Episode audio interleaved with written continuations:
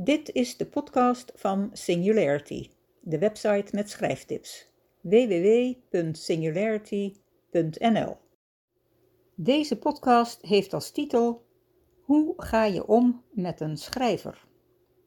Het is vandaag eerste kerstdag en dan ga je niet werken. Schrijven is ook werk. Tenzij je bijvoorbeeld een horecabaan hebt en de horeca helemaal open mag, wat niet waarschijnlijk is.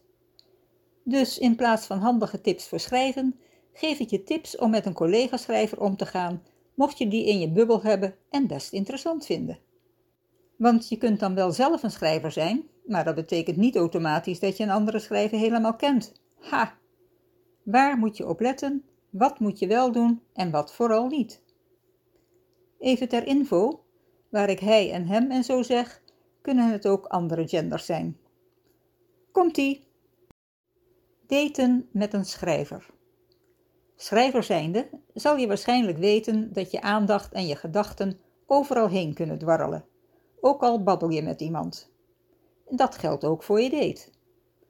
Wees er dus op voorbereid dat je date van alle interessante dingen die je hem of haar verteld hebt, misschien maar 10% gehoord en onthouden heeft. Terwijl je tegen hem praat, kan hij dromerig in de verte turen, omdat er net een fantastische plotwending in hem is opgekomen. Wees er ook op voorbereid voldoende koffie in huis te hebben of voldoende geld naar Starbucks of iets dergelijks mee te nemen. Want zoals je zelf vast wel weet, is koffie de benzine of elektriciteit voor schrijfideeën. Als je met je date bij Starbucks zit, moet je niet vreemd opkijken als jij moet afrekenen. Want verstrooid als hij is, vergeet hij dat alleen de zon voor niets opkomt. Niet altijd, maar wel regelmatig. Als je date tijdens zijn wegdromen je ineens intens aankijkt, dan is dat waarschijnlijk niet omdat plotsklaps je aantrekkelijkheid tot hem doordringt, maar omdat hij in jou het ideale personage ziet dat hij nog nodig had.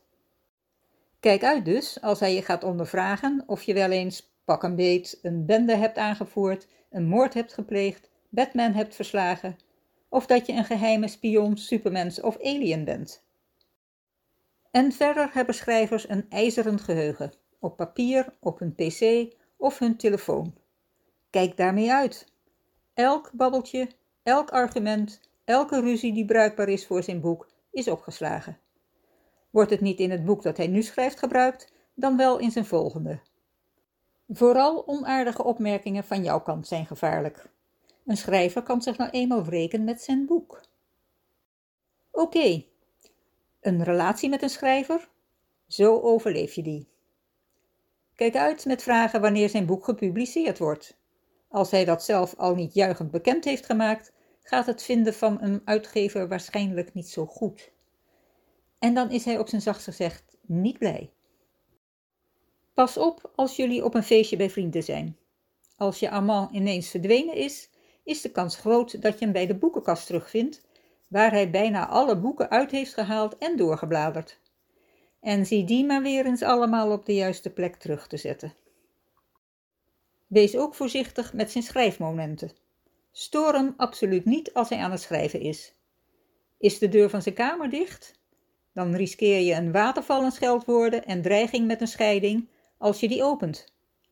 Mocht je dat per ongeluk toch hebben gedaan, Bedenk dan dat die woede waarschijnlijk wel overdrijft als hij weer lekker in schrijfmodus zit. Geen garantie. Ik wens je toi toi toi. Je kunt het ook proberen goed te maken met veel chocola en met het afkraken van een net uitgegeven collega-schrijver. Ach, zo is er nog veel meer te vertellen waar je waakzaam voor moet zijn. Maar een schrijver is ook heel interessant, onderhoudend en vooral leuk. Tuurlijk weet je dat, zelf ben je immers ook een schrijver. Ha! Heel veel plezier met de feestdagen en een corona-arm of zelfs coronavrij jaar toegewenst. Tot de volgende! Oh ja, vond je het leuk? Heb je er wat aan? Maak me dan blij door het te delen. Dank je wel.